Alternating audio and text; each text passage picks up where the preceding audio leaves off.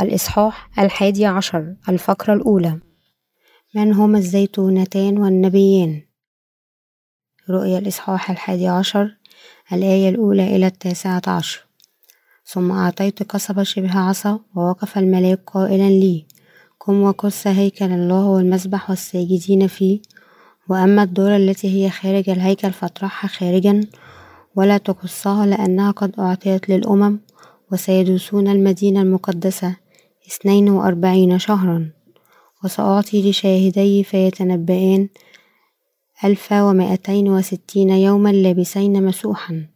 هذان هما الزيتونتان والمنارتان القائمتان أمام رب الأرض. وإن كان أحد يريد أن يؤذيهما تخرج نار من فمهما وتأكل أعدائهما. وإن كان أحد يريد أن يؤذيهما فهكذا لابد أنه يقتل. هذان لهما السلطان أن يغلق السماء حتى لا تمطر مطرا في أيام نبوتهما ولهما سلطان على المياه أن يحولها إلى دم وأن يضرب الأرض بكل ضربة كلما أرادا. ومتى تمما شهادتهما؟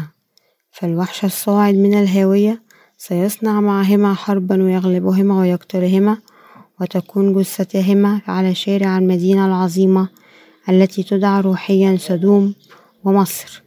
حيث صلب ربنا أيضا وينظر أناس من الشعوب والقبائل والألسنة والأمم جثتيهما ثلاثة أيام ونصفا ولا يدعون جثتيهما يتواضعان في قبور. ويشمت بهما الساكنون على الأرض ويتهللون ويرسلوه دائما بعضهم لبعض.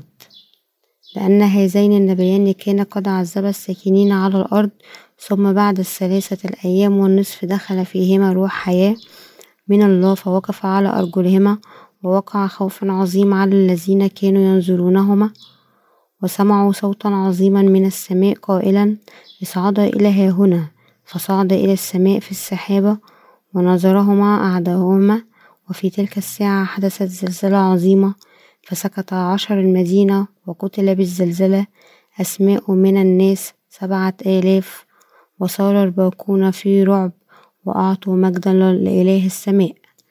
الويل الثاني مضى وهوذا الويل الثالث يأتي سرعان يأتي سريعا. ثم بوق الملاك السابع فحدثت أصوات عظيمة في السماء قائلة قد صارت ممالك العالم لربنا ومسيحه فيملك إلى أبد الآبدين والأربع والعشرون شيخا الجالسين أمام الله على عروشهم خروا على وجههم وسجدوا الله. قائلين نشكرك أيها الرب. الإله القادر على كل شيء؟ والكائن والذي كان والذي يأتي؟ لأنك أخذت قدرتك العظيمة وملكت. وغضبت الأمم فآتي. غضبك وزمان الأموات ليدانوا. ولتعطي الأجر لعبيدك الأنبياء والقديسين والخائفين اسمك. الصغار والكبار. وليهلك الذين كانوا يهلكون الأرض. وانفتح هيكل الله في السماء وظهر تابوت عهده في هيكله وحدثت بروق وأصوات ورعود وزلزلة وبرد عظيم. إن كلمة رؤية الإصحاح الحادي عشر مهمة جدا بالنسبة لنا. مثلها مثل كل كلمة الله لتدمير العالم هناك عمل حاسم يجب أن يقوم به الله مسبقا. هذا هو حصاد شعب إسرائيل للمرة الأخيرة لدي الله أيضا. عمل آخر يقوم به لكل من الإسرائيليين والأمم وهو جعلهم يشاركون في القيام الأولى والاختطاف من خلال استشهادهم. نظرا لأن الكتاب المقدس يقدم وصفا شاملا لهذه القضايا فإننا بحاجة إلى معرفة كيفية تحقيق خلاص الله لمغفرة الخطية في العهد الجديد. يخاطبنا الكتاب المقدس بشأن هذه المواضيع لأننا إذا لم نفحصها عن كتب فسوف نشوش على القديسين وخدام الله وشعب إسرائيل الذين ظهروا في سفر الرؤيا. التفسير الآية الأولى ثم أعطيت قصبة شبه عصا ووقف الملاك قائلا لي قم وقص هيكل الله والمسبح والساكدين فيه. يخبرني هذا أن عمل إنقاذ بني إسرائيل من الخطية بنعمة الله قد بدأ الآن. يعنى القياس هنا أن الله سيتدخل شخصيا لإنقاذ شعب إسرائيل من خطاياهم في آخر الزمان. في المقطع الرئيسي من الإصحاح الحادي عشر يجب أن نركز تركيزنا على خلاص بني إسرائيل من الخطية. تخبرنا هذه الكلمة أن إنجيل الماء والروح سينتشر لشعب إسرائيل منذ ذلك الحين فصاعدا مما يشير إلى بداية عمل الله الذي يحول بني إسرائيل إلى شعب الله المنقذ من كل أثامهم من خلال نعمة الخلاص المعطاة لهم. المسيح يسوع. سجل الله رؤيا الإصحاح الحادي عشر ليعطي أيضا مغفرة خطيته لشعب إسرائيل في آخر الزمان. القياس في الآيتين. الأولى والثانية. يعني تحديد المعيار لكل الأشياء. غرض الله في قياس هيكله. هو أن يكتشف بعد أن خطط بالفعل لإنقاذ بني إسرائيل ما إذا كانت قلوبهم مستعدة لتلقي خلاصهم أم لا. وإن لم تكن قلوبهم جاهزة فعليهم أن يجهزوها حتى تنتصب قلوبهم. الآية الثانية وأما الدار هي خارج الهيكل فاطرحها خارجا ولا تقصها لأنها قد أعطيت للأمم وسيدوسون المدينة المقدسة اثنين وأربعين شهرا. أعطى الله إبليس القدرة على أن يدوس على الأمم لمدة ثلاثة سنوات ونصف. لذلك يجب أن يستقبل جميع الأمم في قلوبهم إنجيل الماء والروح كلمة الفداء في أقرب وقت ممكن. خلال السنوات الثلاث والنصف الأولى من فترة السبع سنوات من الضيقة العظيمة. سينتهي تاريخ هذا العالم عندما تتجاوز الضيقة العظيمة منتصفها وتدخل في نصفها الثاني قريبا.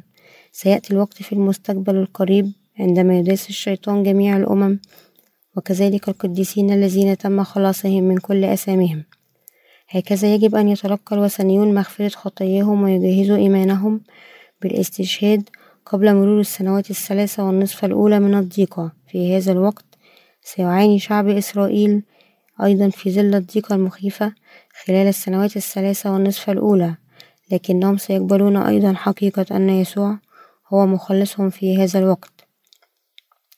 سيحصل شعب إسرائيل على خلاصهم من كل أثامهم خلال السنوات الثلاثة والنصف الأولى من الضيقة العظيمة. الآية الثالثة وسأعطي لشاهدي فيتنبئان ألف ومائتين وستين يوما لابسين مسوحا. سيرفع الله شاهدين بشكل خاص كخدامه لشعب إسرائيل.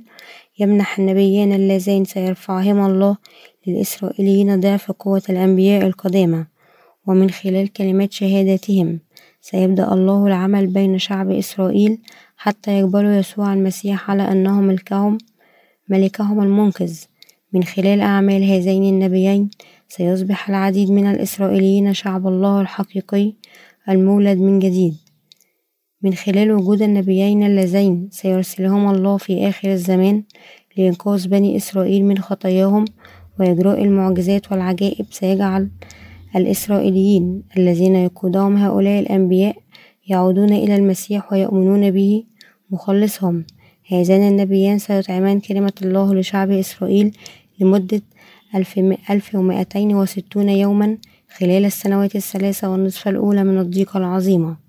ومن خلال إعطاء إنجيل الماء والروح لشعب إسرائيل وجعلهم يؤمنون به سوف يمنحهم الله نفس الخلاص الذي أنقذ الأمم في زمن العهد الجديد من كل أسامهم من خلال الإيمان. الآية الرابعة هذان هما الزيتونتان والمنارتان القائمتان أمام رب الأرض. تشير شجرة الزيتون هنا لنبي الله. رؤيا الإصحاح العاشر الآية الحادية عشر.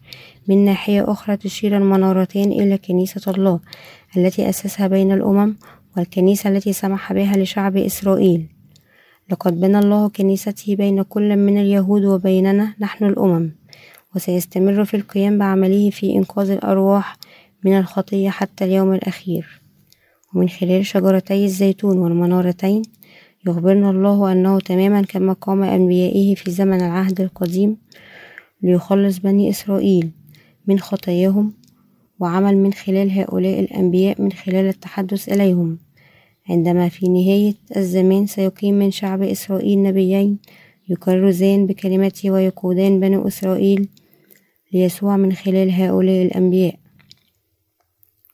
لقد فشل الإسرائيليون في أخذ خدام الله الذين هم من أصل أممي على محمل الجد وهم لا يستمعون لما يقوله هؤلاء العبيد لهم.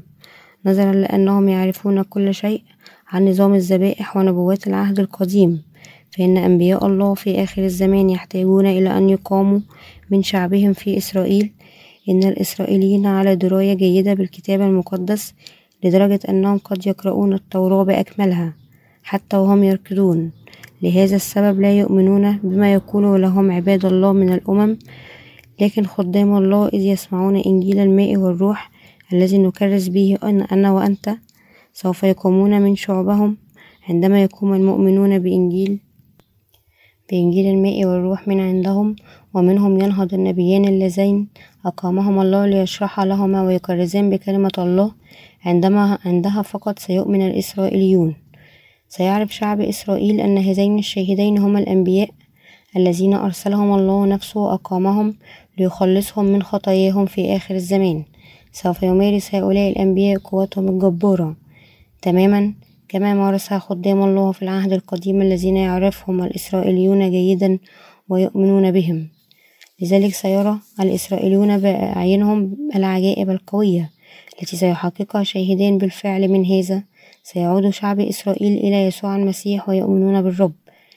عندما يتعرفون على يسوع المسيح على أنه ابن الله مخلصهم تماما كما نفعل نحن. سيشرح هذان الشاهدان كلمة الله ويطعمونها لشعب إسرائيل لمدة ألف ومائتين وستون يوما خلال الضيقة العظيمة التي دامت سبع سنوات تماما كما تم خلاصك أنا وأنت. الذين هم الوثنيون في زمن العهد الجديد من خلال الإيمان بإنجيل الماء والروح. سيسمح الله أيضا لشعب إسرائيل أن يخلصوا في نهاية الزمان من خلال الإيمان بإنجيل الله هذا. الماء والروح كما تخبرنا الآية الرابعة. هذان هما شجرة الزيتون والمنارتان الواقفتان أمام إله الأرض. يدعو الكتاب المقدس هذين الشاهدين باسم شجرة الزيتون وتشير شجرة الزيتون إلى نبي آخر الزمان في الآية العاشرة. مكتوب وسيبتهج الساكنون على الأرض بهم ويفرحون ويرسلون الهدايا لبعضهم البعض لأن هذين النبيين عذبوا الساكنين على الأرض. هنا يجب أن نحل هذه الكلمة من خلال التركيز على من تكون شجرة الزيتون. واستخدمت أشجار الزيتون في عصر العهد القديم لتكريس أساس الهيكل والمسبح في هيكل الله عن طريق دهنها بزيتها. تم استخدام زيت الزيتون هذا لأغراض أخرى أيضا مثل إضاءة مصابيح الهيكل. كان عليهم استخدام زيت الزيتون النقي فقط في معبد. لم يسمح الله باستخدام أي زيت في هيكله لكن حرص, حرص على استخدام زيت الزيتون فقط. لذلك علينا أن نعرف أن شجرة الزيتون والتين تمثل شعب إسرائيل. هناك العديد من التفسيرات لهاتين الشجرتين الزيتون والمنارة. حتى أن البعض يزعم أنهم أنفسهم أشجار الزيتون. لكن شجرة الزيتون تشيران إلى الممسوحين في أيام العهد القديم. كان الناس يمسحون عندما ثبتوا نبيا أو ملكا أو كاهنا. عندما يمسح المرء بهذه الطريقة نزل عليه الروح القدس. تشير شجرة الزيتون إلى يسوع المسيح الذي حبل به بالروح القدس. رمي الإصحاح الرابع والعشرون الآية الحادية عشر. لكن الناس لديهم الكثير من سوء الفهم حول هذه النقطة. ومع ذلك فإن شجرة الزيتون وهما الشاهدين المذكورين في المقطع الرئيسي تشيران إلى خادمي الله اللذين سيقومهما بشكل خاص في نهاية الزمان من أجل خلاص بني إسرائيل. هذا ما تخبرنا به الآية الرابعة وتشير المنارتان إلى كنيسة الله التي سمح بها بين الأمم. وسمحت بها الكنيسة لشعب إسرائيل في عصر العهد القديم. كان لدي الإسرائيليين كنيسة الله في الأصل لكن منذ عصر العهد الجديد لم يعد لهم كنيسة الله هذه. لماذا؟ لأنهم لم يتعرفوا بعد على يسوع المسيح وليس لديهم الروح القدس في قلوبهم أيضا. بما أنهم لم يقبلوا إنجيل الماء والروح ولا يسوع المسيح فإن كنيسة الله لم تعد موجودة بينهم. ومع ذلك قبل النهاية النهائية للعالم خلال السنوات الثلاثة والنصف الأولى من الضيقة العظيمة سيسمح الله لكنيسته لشعب إسرائيل أيضا لهذا يخبرنا الكتاب المقدس عن شجرتي الزيتون وهما الشاهدان. سيؤسس الرب كنيسته ويقوم بعمله لخلاص الأرواح من الخطية بين اليهود والأمم.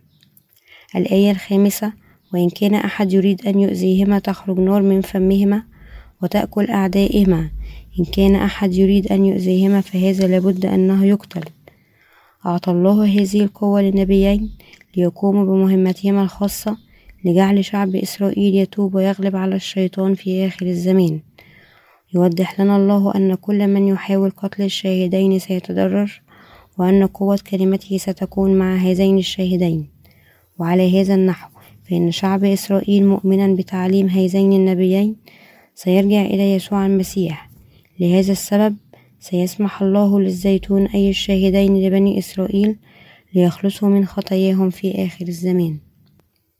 الآية السادسة هذان لهم السلطان أن يغلق السماء حتى لا تمطر مطرا في أيام نبوتهما ولهما سلطان على المياه أن يحولها إلى دم وأن يضرب الأرض بكل ضربة كلما أراد لأن شعب إسرائيل لن يتوب ما لم يقم خدام الله الذين سيربيهم لهم بهذه الأعمال. سيسمح الله للشاهدين بالعمل بقوته لن يقود النبيان الإسرائيلين إلى يسوع فحسب بل سيهزمون أيضا أعداء الله بقوة ويكملوا جميع أعمال دعوتهم. سوف يمنحهم الله قوة خاصة ليكرزوا بكل كلمة النبوة لشعب إسرائيل ويشهدوا أن يسوع هو المسيح المنتظر لهم ويجعلهم يؤمنون. الآية السابعة ومتى تمام شهادتهما فإن الوحش الصاعد من الهاوية سيصنع معهما حربا ويغلبهما ويقتلهما. تعبرنا هذه الكلمة أن ضد المسيح سيظهر في هذا العالم عندما تمر السنوات الثلاث والنصف الأولى من فترة السبع سنوات من الضيقة العظيمة في هذا الوقت. أولئك الذين يؤمنون بيسوع المسيح كمسيحهم المنتظر سوف ينهضون من شعب إسرائيل. لكن كثيرين منهم سيشهدون للدفاع عن إيمانهم من الوحش الذي هو ضد المسيح وأتباعه. نبي الله سيشهدان أيضا عندما يكملان أعمال دعوتهما. أن يقتل ضد المسيح هذين الشاهدين حسب إرادة الله. لماذا؟ لأن الله أيضا يريد أن يعطيهما أجرة للشهداء. هذه المكافأة هي أن يشاركوا في القيامة الأولى وينضموا إلى الرب في عشاء زواج الحمل ويفرحوا إلى الأبد. وينالوا الحياة الأبدية لإعطاء هذه البركة لجميع القديسين. الآية الثامنة وتكون جثتاهما على شارع المدينة العظيمة التي تدعى روحيا سدوم ومصر حيث صلب ربنا أيضا. تخبرنا هذه الآية أن الشاهدين هما بالضبط من شعب إسرائيل العبدان اللذان سيربيهما الله لبني إسرائيل. ليس من الوثنيين بل من شعبهم في إسرائيل. على هذا النحو قتل الشاهدان في نفس المكان الذي صلب فيه يسوع. تخبرنا هذه الحقيقة بوضوح أن هذين الشاهدين من الإسرائيليين لشعب إسرائيل عباد الله لشعب إسرائيل اللذين هما روحيا مثل شعب سدوم ومصر سيؤسس الله نبيه ويمنحهما القوة ويجعلهما يشهدان بأن يسوع هو المسيح الذي انتظره بنو إسرائيل. حتى يتسنى لشعب إسرائيل قد يتوب ويؤمن بيسوع سيقتل ضد المسيح عبدي الله في مكان الجلجثة حيث صلب يسوع. لأن أتباع ضد المسيح لديهم أرواح شريرة سوف يكرهون حتى الموت. هذين الشاهدين اللذين يؤمنان بيسوع ويشهدان له مثل الجنود الرومان الذين صلبوا يسوع وطعنوا جنبه بحرب من قبل. الآية التاسعة وينظر آناس من الشعوب والقبائل والألسنة والأمم جثتيهما ثلاثة أيام ونصفا ولا يدعون جثتيهما توضعان في قبور. ومن بين شعب إسرائيل أيضا من لا يؤمنون بيسوع المسيح كمخلص لهم عند رؤية موت لحم الخادمين شجرة زيتون. سيغمر هؤلاء الناس شعورهم بالانتصار ولتعزيز هذا الشعور بالنصر. لن يقوموا حتى بدفن ضحاياهم بشكل لائق لكن انتصارهم سيتحطم عندما أعاد الله الشاهدين للحياة مرة أخرى وبالتالي سيخافون الله. قد يهنئون أنفسهم بموت خدمي الله لكن هذا لن يدوم طويلا لأنهم سيدركون قريبا أن ضد المسيح لا يضاهي يسوع المسيح وبالتالي سيغمرهم خيبة الأمل والفراغ. هؤلاء الناس يكرهون كلمة نبوة الله التي بشر بها النبيان بالوقوف ضد هذين الخادمين اللذين سيقيمهما الله. سينقطعان في النهاية عن الحصاد الأخير للخلاص وينتهي بهم المطاف إلى أن يصبح أتباعا للشيطان الآية العاشرة. ويشمت بهم الساكنون على الأرض ويتهللون ويرسلون هدايا بعضهم لبعض لأن هذين النبيين كانا قد عذبا الساكنين على الأرض. ربما أنهم كانوا يكرزون بكلمة الله في النبوة فإن الشاهدين اللذين تم رفعهما لخلاص بني إسرائيل سيكونان ألما كبيرا في أعناق إتباع الشيطان على هذا النحو. سوف يفرحون جميعا بوفاة هذين الشاهدين ويرسلون الهدايا لبعضهم البعض لتهنئة أنفسهم. نحن أيضا نشعر بالسعادة عندما يختفي أولئك الذين كانوا يضايقوننا ضد المسيح وأتباعه. سيكرهون ذلك عندما يبشر الله الشاهدين بكلمته. في كل مرة يسمعون كلمة الله. تغمر أرواحهم العذاب ولأنهم كانوا سيتعرضون للتعذيب الشديد عندما تحدث معهم الشاهدين عن يسوع فإنهم سيفرحون عندما يرونهم يقتلون على يد ضد المسيح. هذا هو السبب في أنهم يتبادلون الهدايا ويهنئون بعضهم البعض. الآية الحادية عشر ثم بعد الثلاثة أيام ونصف دخل فيهما روح حياة من الله فوقف على أرجلهما ووقع خوف عظيم على الذين كانوا ينظرونهم. لكن الله سيجعل الشاهدين يشتركان في القيامة الأولى. هذه الكلمة هي دليل على حقيقة أن القديسين الذين استشهدوا للدفاع عن إيمانهم بعد أن نالوا الخلاص من الخطية بالإيمان بكلمة الخلاص التي أعطاها الرب سيشاركون في القيامة الأولى. يخبرنا أن روح الحياة التي دخلتهم في ثلاثة أيام ونصف أن الرب سيسمح بقيامتهم في وقت قصير تماما كما قام من الموت من الجسد إن السماح لله لجميع القديسين بهذا الإيمان بالقيامة الأولى هو بالنسبة للقديسين أنفسهم. نعمة عظيمة من الله ولكن بالنسبة لجميع الخطاة فإنه سيجلب لهم إحباطا وخوفا كبيرا. الآية الثانية عشر وسمع صوتا عظيما من السماء قائلا لهما اصعدا إلى ها هنا فصعد إلى السماء في السحابة ونظرهما وأعداؤهما. تشير هذه الكلمة لقيامة ونشوة جميع القديسين بعد أن آمنوا بكلمة الرب للنبوة. أولئك الذين خلصوا من كل أسامهم لن يكون لديهم خيار سوى أن يستشهدوا للدفاع عن إيمانهم. تبين لنا هذه الآية أن الرب سيقيم كل هؤلاء القديسين ويختطفهم.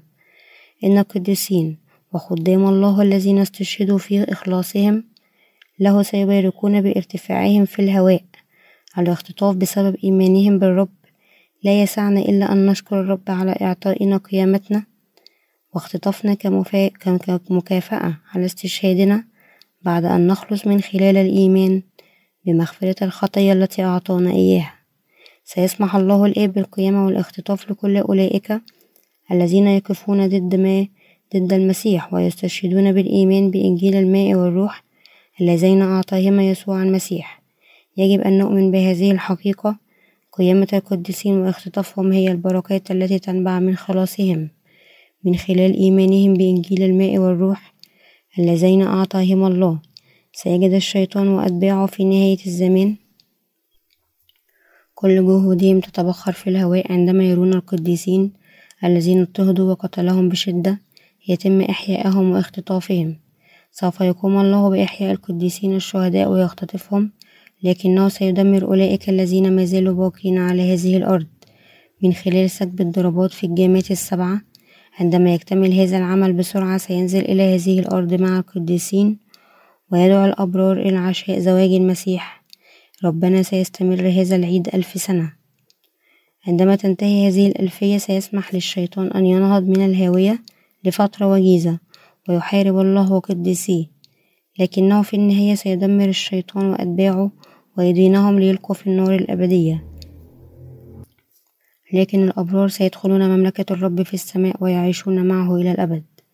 الآية الثالثة عشر وفي تلك الساعة حدثت زلزلة عظيمة فسقط عشر المدينة وقتل بالزلزلة أسماء من الناس سبعة آلاف وصار الباقون في رعب وأعطوا مجدا لإله السماء. بعد استشهاد وقيامة واختطاف الأنبياء الذين سيرفعهم الله لخلاص بني إسرائيل سيسمح لملائكته أن يسكبوا بحرية ضربات الجامات السبعة على هذه الأرض. أولئك الذين لا يزالون على هذه الأرض بعد نشوة القديسين سيقبلون هذه الضربات من الجامات السبعة كهدايا لهم.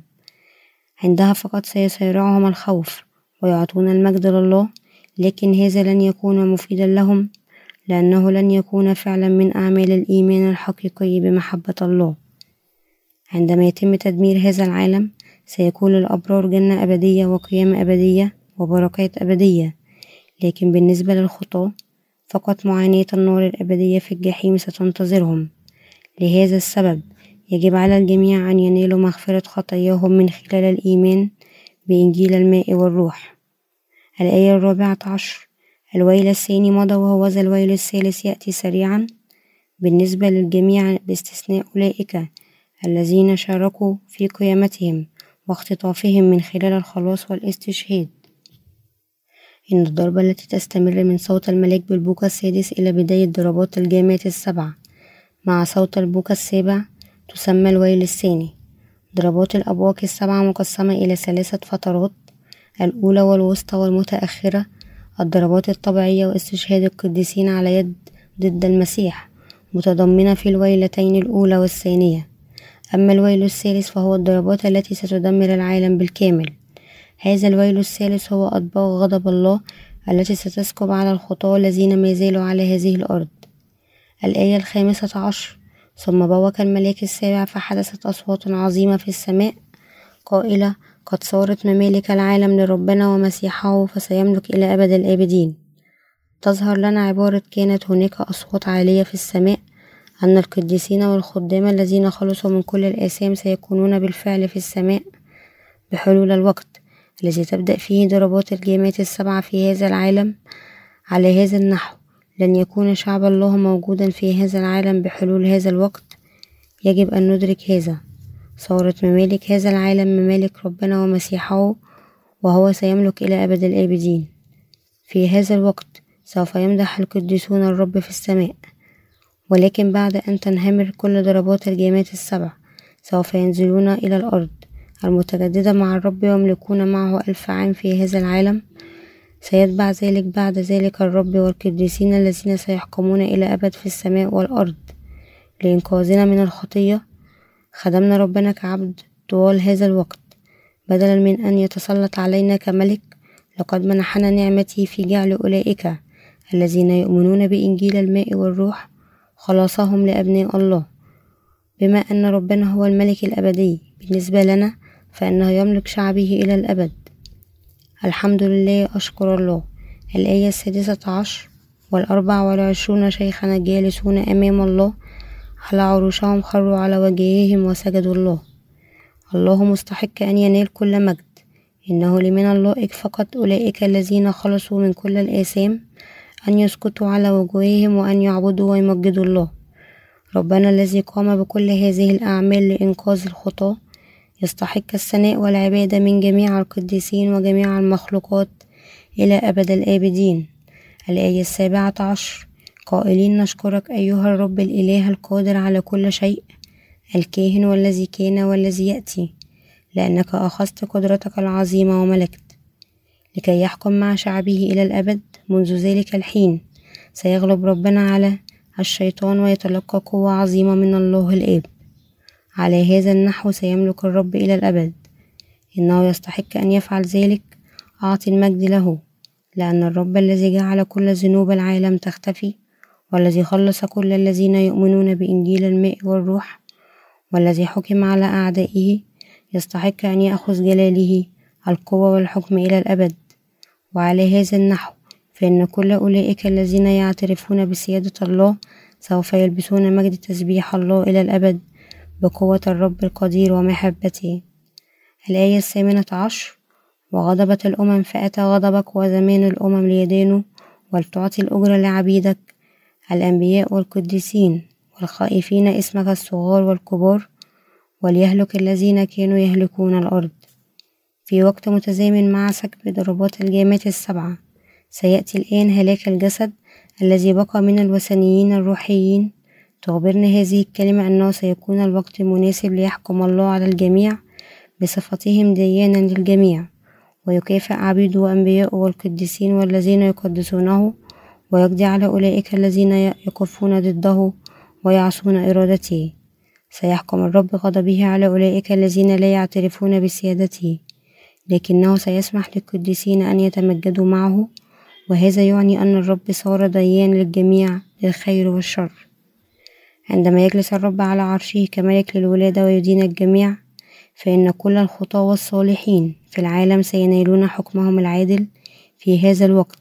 كحكم دينونته سيمنح الرب السماء والحياة الأبدية للقديسين ولكن الخطاة سوف يجلب هلاكهم الأبدي وعقاب الجحيم. ستستمر سيادة يسوع المسيح وبركة ملك شعبه إلى الأبد. سينتهي العالم الأول في هذا الوقت وسيبدأ العالم الثاني مملكة المسيح. الآية التاسعة عشر وانفتح هيكل الله في السماء وظهر تابوت عهده. فيه هي كله وحدثت بروق وأصوات ورعود وزلزلة وبرد عظيم. سيسمح الله لقديسيه الأبرار ببركة العيش في هيكله تتحقق كل هذه الأشياء وفقا لكلمة وعد الله للبشرية بيسوع المسيح. يبدأ ملكوت الله بكلمة نبوة الله ويكتمل بتحقيق هذه النبوة. كل وعود الله من قيامة القديسين واختطافهم إلى مشاركتهم في عشاء زواج الحمل بيسوع المسيح وبركاتهم للحكم إلى أبد الأبد كملوك تعطي بالتساوي لشعب إسرائيل ونحن الأمم.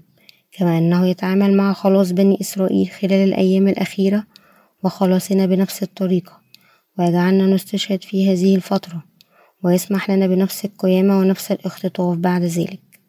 ويلبسنا في نفس المجد تخبرنا الكلمة أنه على الرغم من أن بني إسرائيل ونحن الأمم شعوب مختلفة في الجسد إلا أننا مع ذلك نفس شعب الله روحيا.